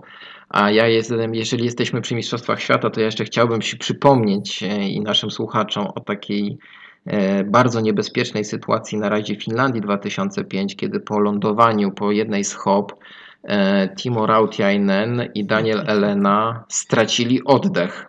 Ty się Tak. śmiejesz, tak? To może w tej chwili wyglądać e, śmiesznie, jak oni nie mogą wydusić z siebie słowa, ale przerażenie ich kierowców e, było no, naprawdę ogromne. Szczególnie, szczególnie Markus Gronholm był e, przerażony wprost tym, co się stało, bo naprawdę Timo Rautiainen przez długi czas nie mógł dojść do siebie.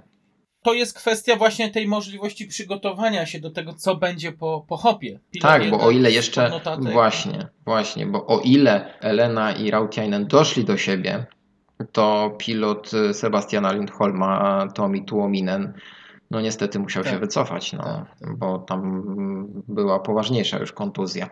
Także mnie to przeraża do dziś, to co, to, co oglądam, ten onboard y, z, z tego rajdu, no, robi na mnie wrażenie.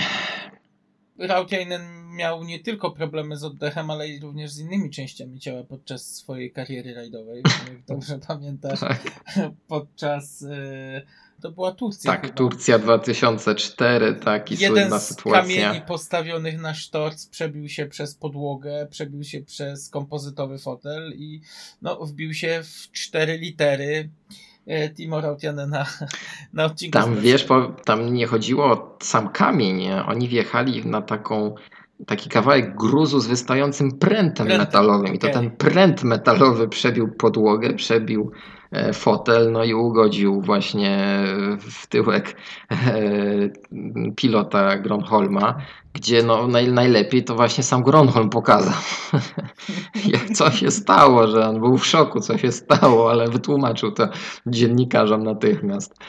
E, tak, no ale krew się polała wtedy, no Tak. i ból był pewnie niesamowity, także współczuję, współczuję Timo Rautiainenowi po dziś dzień pewno e, tej sytuacji. Ja jeszcze chciałem y, odnośnie tego, co, co powiedziałeś, bo to jest, to jest też dość ciekawa mm, historia, mm, jeśli chodzi o ślepe rajdy. Ja akurat uważam tutaj, że mm, idea ślepych rajdów jest niesamowicie potrzebna, że to tak naprawdę cała y, fińska szkoła powstała właśnie dzięki ślepym rajdom, to oni zyskali ten dodatkowy zmysł czytania drogi. E, I to tyczy się zarówno kierowców, jak i pilotów. Wydaje mi się, że du- ponieważ duża część pilotów y, z Finlandii zaczynała jako kierowcy właśnie bawiąc się w ślepe rajdy, bo powiedzmy sobie szczerze, to są imprezy takie troszkę e, amatorskie, e, więc du- duża część z nich ma jakąś tam historię ze ślepymi rajdami i też e, to sprawia, dlaczego są tak dobrymi mm, pilotami. I tu chciałem dojść do takiej kwestii poszczególnych szkół, bo o ile Finowie doskonale sprawdzają się na odcinkach specjalnych, to y, druga szkoła, która jest nie mniej ważna, to są piloci brytyjscy, którzy słyną z niesamowitych zdolności nawigacyjnych, co znowu jest podyktowane tym, że e, większość z nich zaczynała karierę właśnie na rajdach bez y, możliwości robienia opisów nawigacyjnych. Jechali albo na gotowych opisach, o czym jeszcze wspomnę, y, albo jechali po prostu potty light, mapa i, i czytanie profilów, profili zakrętów. A trzecią grupą, która też wypracowała się podobnie jak i, jak i kierowcy na przestrzeni lat i chyba była najpiękniejszą ze wszystkich możliwych grup pilotów, to y, no, francuska szkoła pilotażu i w ogóle francuska szkoła mm, rajdowa. I już pewnie wiesz, do czego będę pił. E, tak, ja jeszcze tutaj wrócę do języka. No, język francuski też jest bardzo trudnym językiem, e, ale jednak odnalazł się, cała czołówka francuska korzystała właśnie z języka francuskiego, ale tak, tutaj dobrze, że o tym powiedziałeś właśnie, bo no, ta szala, e, że tak powiem, i siła ciężkości e, przeważyła bardzo na, na francuską stronę w ostatnich e, latach, więc ciężko o tym nie wspomnieć. Wszystko zaczęło się tak naprawdę mm, od końca lat 70., gdzie jedną decyzją, bardzo dobrą decyzją rządu, mianowicie mm, powiązania automobil klubów z Ministerstwem Edukacji, udało się mm, stworzyć program kształcenia załóg rajdowych gdzie było to finansowane przez, przez państwo. E, już w latach 70. maleńkie autobianki em, sponsorowane po części przez rząd y, francuski no, były możliwością stawiania pierwszych kroków e, w dziedzinie rajdów samochodowych. Zresztą nie tylko rajdów, ale i wyścigów. E, Ale em, chyba najbardziej zdumiewające było to, jak wiele dziewczyn garnęło się w tamtym czasie we Francji do uprawiania sportu rajdowego. No właśnie, i tutaj zaczynamy bardzo ciekawy fragment naszych rozważań, bo no, trzeba właśnie powiedzieć tutaj o kobietach, które e, owszem próbowały sił za, za kierownicą samochodów rajdowych, ale jednak najczęściej odnajdywały się na prawym fotelu. Five, 70, 5 minus. 70, to nie był five minus. Nie słyszę cię. Nie słyszę cię. 70, Okej. Bliżej. 70. Active down, base straight. Turn left medium. Okej. 40. Zaczynając rozmowę o kobietach, no nie sposób pominąć właśnie przedstawicielek e, francuskiej szkoły rajdowej, François Conconi, e, Michelle Espinos, e, która ukrywała się pod e, pseudonimem Łania, e, czy e, no, Włoszki Fabrici Pons, która tak naprawdę Tak, ja jestem wielkim karierę- fanem Fabrici Pons, tak? E, Wiem, wiem do czego zmierzasz, ale jednak właśnie tutaj e, wszystkie, prawie wszystkie one skupiały się wokół jednej e, pani, czyli Michelle Mouton właśnie, która była kierowcą i często właśnie korzystała z pilotek, a nie z pilotów. No widocznie dogadywała się w lepszy sposób y, z dziewczynami w samochodzie. Tutaj taka ciekawostka mm, z czasów, gdy Michelle dołączyła do zespołu Audi Sport. W tamtym czasie była mm, pilotowana przez y, François Conconi i pierwsze kilka rajdów y, faktycznie zaliczyła w duecie z François Conconi. No jednak wierząc w e, wersję opowiedzianą mi niegdyś przez mechaników zespołu Audi Sport, pojawił się pewien problem, ponieważ e, Michel Mouton zwyczajnie zaczęła być zazdrosna o urodę François i to, że po zakończeniu odcinka specjalnego to fotografowie skupiali się na właśnie François, nie na niej, więc y, automatycznym ruchem było zaproszenie na prawy fotel właśnie Fabrici Pons, która jako postać była bardzo ciekawą To e, pilotką. Ale ty y, właśnie znasz bardzo dobrze historię Fabrici Pons. Znaczy, nie tyle może, że znam historię, jestem po prostu jej wielkim fanem i do tego się zawsze przyznaję. Moim zdaniem to była zawsze bardzo piękna kobieta, e, niezwykle odważna. E, no, przypomnijmy, że zaczynała swoją karierę jako kierowca rajdowy i bardzo, bardzo dużo ma za sobą startów właśnie za kierownicą, ale też startowała w zawodach motocrossowych, jeździła na motocyklu crossowym. No, przepraszam, ale no, no dla mnie to w przypadku kobiety jest naprawdę no, poziom odwagi, adrenaliny ponadnormatywny.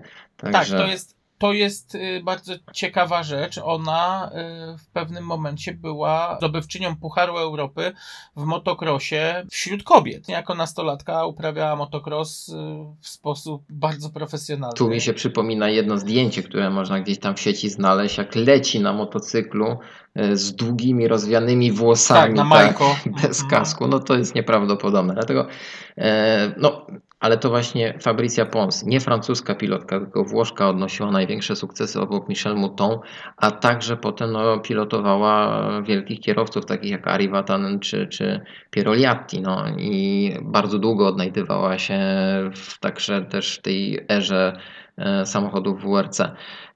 No właśnie, wspomniałeś o tym, że Fabrycja Pons y, zaczynała jako kierowca. Ja taką ciekawostkę znalazłem, że w pierwszym roku swoich startów, w 76 roku, w jednym z lokalnych włoskich rajdów pilotowana była przez nikogo innego, tylko przez Sergio Cresto, który później znany był z występów u boku Attili Betegi i mm, Henry'ego No, także tutaj właśnie ten rajdowy włoski klimat e, ciągle się unosił, a Fabrycja Pons ciągle w tych oparach tego klimatu się znajdowała, że tak powiem. Cieszę się ogromnie, że mogłem ją spotkać na ostatnim Rally Legend, dostać od niej autograf. Fantastyczna postać, e, bardzo elegancka, ciepła kobieta i chyba jest taką najbardziej znaną e, pilotką e, po dziś dzień. Nie wiem, czy nie przypominam sobie. A ja dodam Mhm. jeszcze, a ja dodam jeszcze, że oprócz tego, że jest doskonałą pilotką, to jeszcze jest doskonałym mechanikiem. Podczas rajdu Bandama y, w 81 roku uratowała skórę Michel Mouton kilkukrotnie, naprawiając No, samochód. czyli jednak starty e, w roli kierowcy za kierownicą samochodu rajdowego nie poszły na marne, bo na pewno wtedy się tego nauczyła e, i nabrała dodatkowych umiejętności.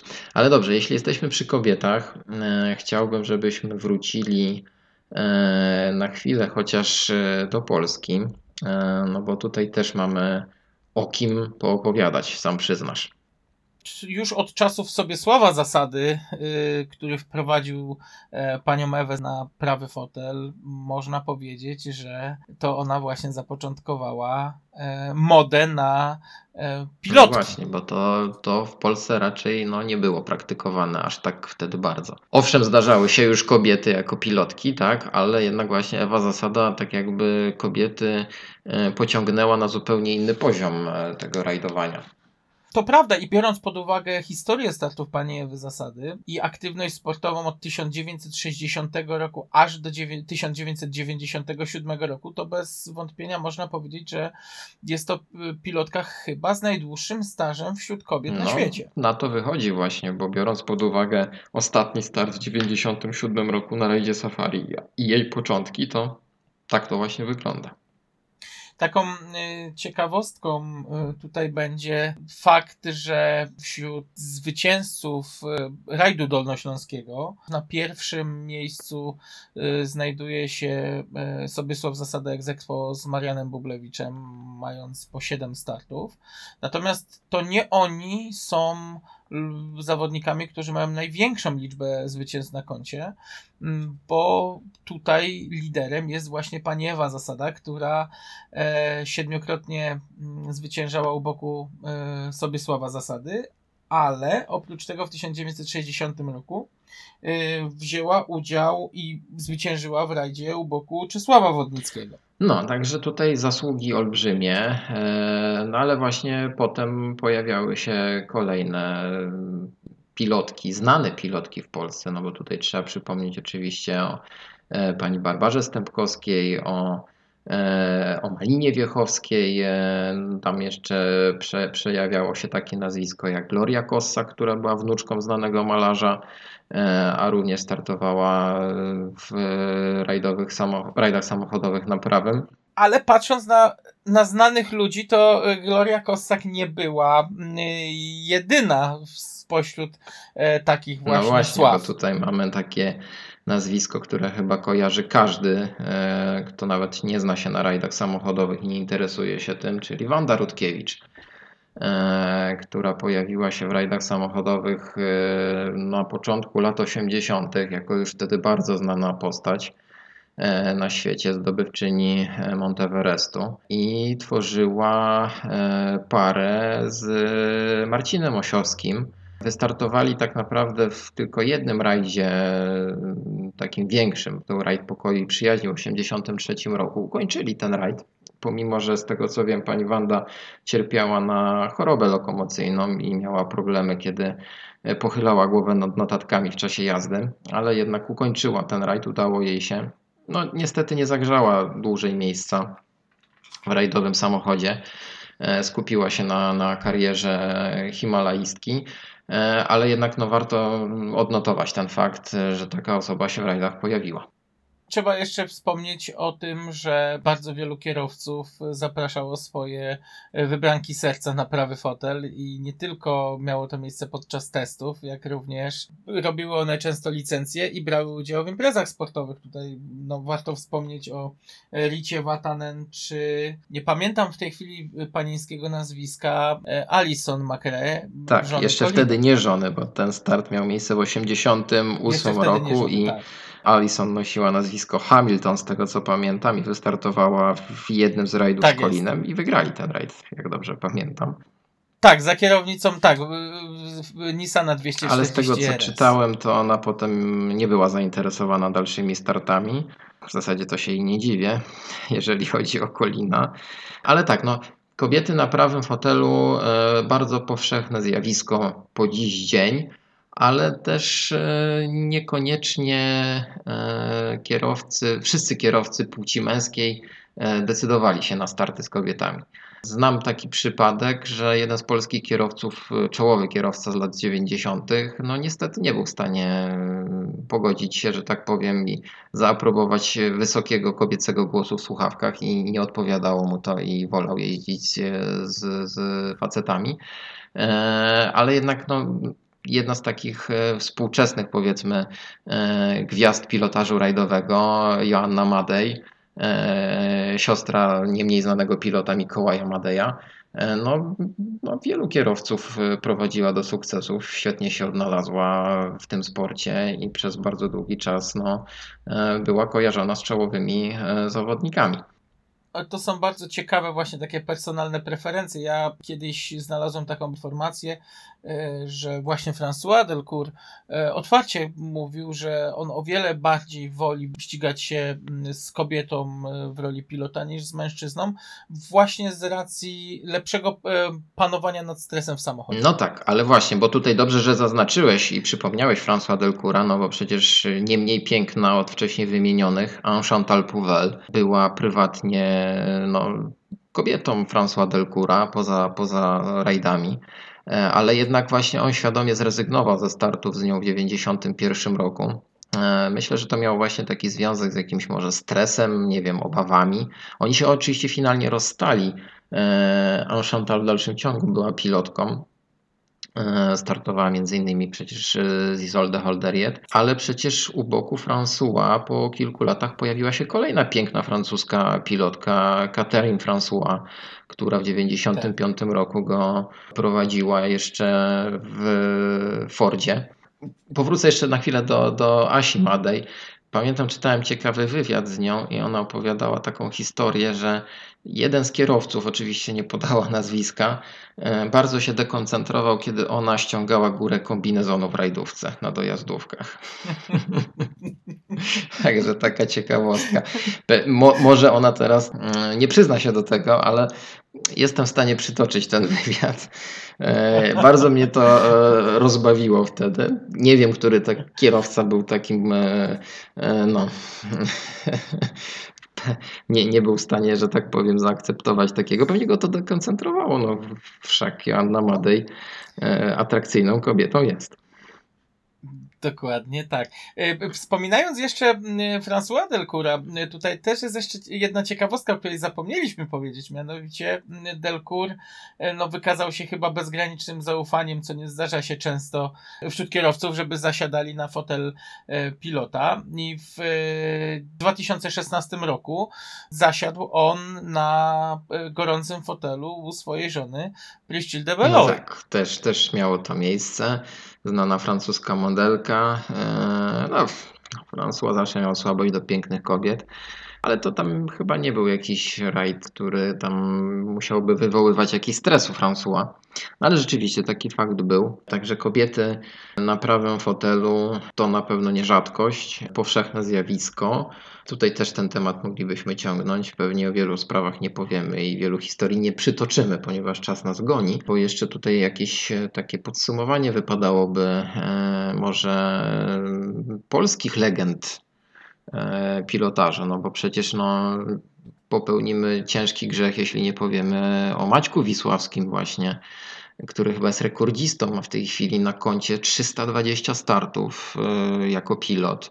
od 74 roku, nieprzerwanie do 2019 roku e, startuje w rajdach jako czynny zawodnik e, i nie to, że z jakimiś zawodnikami, którzy są tam z końca stawki, no ale z czołówką krajową, także no to jest nieprawdopodobne. On wystartował z tego co liczyłem z 20 chyba 9 różnymi kierowcami i około 60 różnych samochodów e, no, ugościł swoją osobą. Także to jest nieprawdopodobne. Jestem pełen szacunku dla Maćka Wisławskiego. Mam nadzieję, że będzie nas słuchał. Go serdecznie pozdrawiam i, i dla mnie jest no, no, no nieprawdopodobną legendą.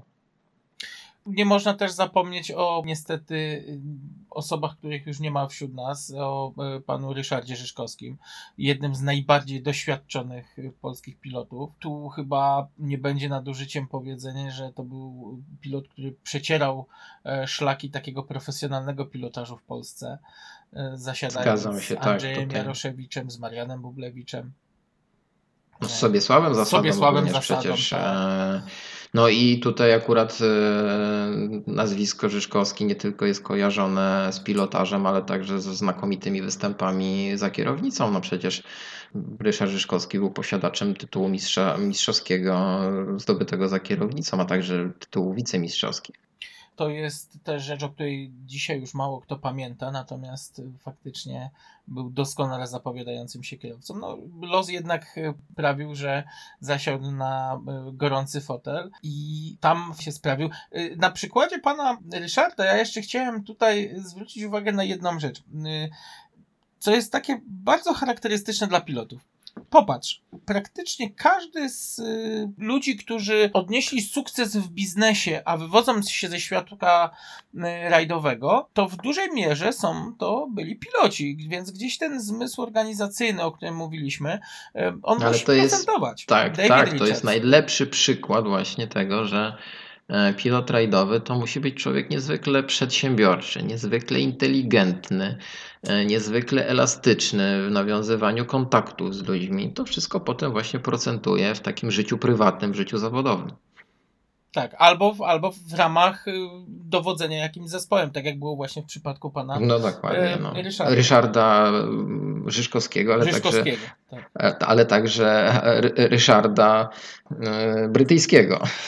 Tak, no Tak, no tutaj tak. ja oczywiście gdzieś tam może ktoś powiedzieć, że ugrzązłem w latach 90. i, i te legendy właśnie polskiego pilotażu, jak Maciek Wisławski, jak e, Kuba Mroczkowski, Andrzej Górski, Artur Skorupa, czy też później Maciek Szczepania, który wystartował w ponad 120 rajdach rangi Mistrza Świata, a zaczynał karierę jako kierowca rajdowy w połowie lat 90. Rodzina e, Baranów, e, czyli Jarek i Maciek, e, no, Najbardziej teraz- znana chyba tak, rodzina rajdowa pilotów, rodzina, tak. A wiesz, który z polskich kierowców wystartował z wszystkimi trzema e, baranami, że tak powiem? Tak, Leszek Leszek, Kuzaj? Leszek Kuzaj, dokładnie. Leszek Kuzaj wystartował e, zarówno z panem Zbigniewem, jak i z Jarkiem i z Maćkiem. Ogólnie Leszek chyba jest rekordzistą, jeżeli chodzi o mm, zmiany pilotów, bo jeździł z 27 różnymi pilotami. Z kolei takim rekordzistą e, ze strony mm, pilotów, oprócz Maćka Wisławskiego, jest Kuba Mroczkowski, który też w swojej karierze poprowadził ponad 20 kierowców w rajdówce, e, ale jest też takim chyba rekordzistą, bo w 1997 roku pięciu różnych kierowców e, pilotował e, z czołówki. Tutaj taką ciekawostkę przytoczę, bo mówiliśmy o onboardach. Mhm. Kuba mi opowiedział historię, jak pierwszy raz w rajdówce pojawiła się kamera. To był rajd e, bodajże Karkonoski 9.7. W Lancerze Wieśka Steca pojawiła się kamera Marcina Kwiatkowskiego e, i Kuba czuł autentyczną tremę. Po prostu był stremowany. W momencie, kiedy sobie uzmysłowił, że to się wszystko będzie nagrywać, no zaczął no, no się po prostu denerwować i stresować. No, trochę mu to zajęło, zanim się z tym faktem pogodził. Teraz to już nie jest żaden dla niego problem oczywiście, ale no rzeczywiście ciekawa historia. Dzisiaj kamera jest wyposażeniem obowiązkowym praktycznie każdego samochodu z czołówki. No tak, tak. to jest nieodłącznym elementem, e, tak, i żadna, żadna załoga, żaden kierowca i żaden pilot sobie nie wyobraża jazdy w rajdach bez, e, bez możliwości rejestrowania. 4 prawy minus wybija. Do 7 na 6 lewy bardzo długi zacisk śmiało. Drugą, drugą, drugą, drugą. Dobra, wyjdziemy, wyjdziemy, wyjdziemy, wyjdziemy. Idziemy, idziemy, idziemy dalej, idziemy Tomek. Jest okej, jest okej. Idziemy, idziemy, idziemy, nic się stało. Zalało go. No. No i super. Dawaj. Dawaj, dawaj. 7 na 6 lewy, bardzo długi zacisk, śmiało.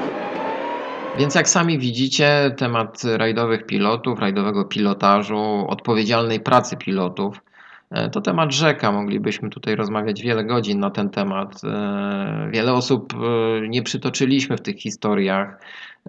Te rajdy oczywiście się zmieniły. Teraz też mamy wielu świetnych pilotów w Polsce.